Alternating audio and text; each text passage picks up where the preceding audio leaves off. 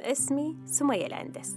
أقدم بودكاست حواديت ولأن عندي حكاية تكفي لجعل مدينتين كالرياض تغطاني في نوم عميق جاءت فكرة حواديت.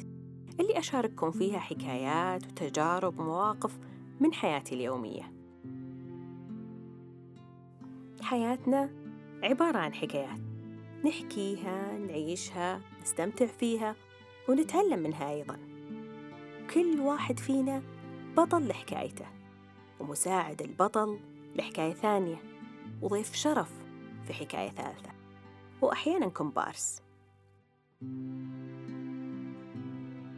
مرة سألت يوه اللي هي جدتي ويوه لغير الناطقين باللهجة القصيمية هي عادة كلمة نداء نادي فيها جداتنا المهم سألتها تتوقعين أقدر أكمل هذا؟ ما يحضرني الآن إيش كان هذا الموقف لكن أتذكر زين ردها. سمية عواهينك قوية. إذا بغيتي قدرتي. عواهينك كانت تقصد فيها عزيمتك وإرادتك. كم مرة نحتاج بحياتنا أحد يعطينا هالدفعة اللي ممكن تنتشلنا من حالة إحباط أو تجربة فشل أو حتى تدفعنا وتحفزنا وإحنا في بداية الطريق؟ إذا ما تقدر تحفز أحد حولك وتعطيه أمل أو تقول له كلمة حلوة على الأقل لا تحبطه أو تقلل من جهوده. والأهم لا تبدي رايك إذا ما حد طلب منك. بكلمة واحدة ممكن تفتح أبواب وبكلمة واحدة ممكن تهدم حلم لما بدأت أول مشروع في حياتي وكان بالنسبة لي مثل أحد أولادي بدون مبالغة. زارني قريب وبعد الافتتاح بفترة سألني كم وصلت خسائرك؟ رغم أن مشروعي كان ناجح إلا أن العبارة قتلت فرحة الإنجاز بداخلي هذيك اللحظة.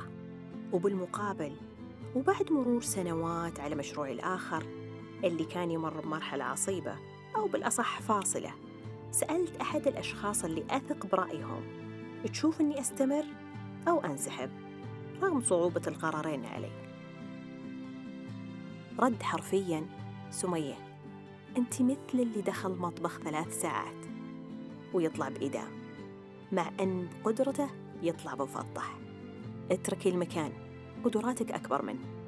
بغض النظر عن كل التفاصيل كانت كلماته شيء يشبه مرهم أو طبطبة علي وقتها.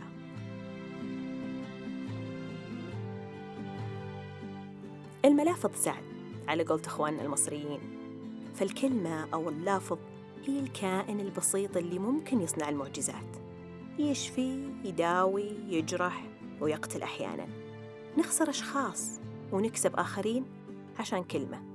بعبارة بسيطة ممكن تحيي أمل وتساعد على بزوغ حلم أو العكس.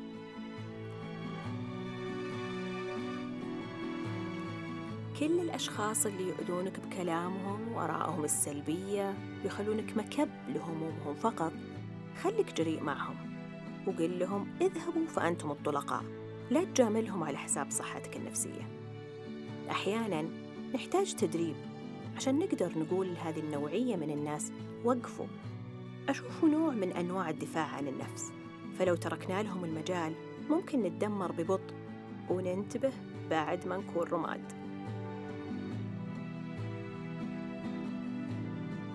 ليش ما توظف؟ ليش ما حملتي؟ ليش ما كملت دراستك؟ ليش ما تزوجتي؟ ليش وليش وليش؟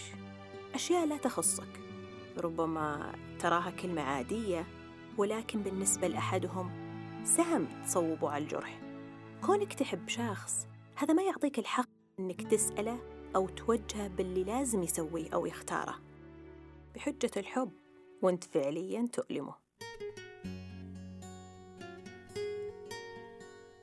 وبالمقابل مهم إننا ما نربط نجاحاتنا بتصفيق الآخرين وانتظار تحفيزهم. نقدر نكون الداعم الأول لأنفسنا خاصة إذا تدربنا على وضع درع واقي حولنا كما في كتاب كيف تقول لا دون أن تشعر بالذنب. نقطة مهمة نغفل عنها كثير.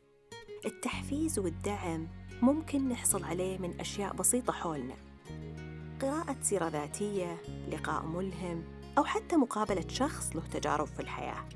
والأهم أن مصدر الدعم والتحفيز ليس بالضرورة يكون من الخارج، أحياناً يكون نابع من داخلنا، من قوتنا وقدرتنا على مواجهة الهزائم والانكسارات، وتجاوزنا لها ونظرتنا لأنفسنا بعد تخطيها. عن نفسي أمتن لكل الهزائم والانكسارات والتجارب اللي ما نجحت فيها لأنها علمتني أكثر بكثير من أي شيء آخر. وأخيراً لن ننسى أولئك الذين أسعدونا بكلمة أو دعوة أو حتى قبلات وحلوى حينما كنا صغاراً.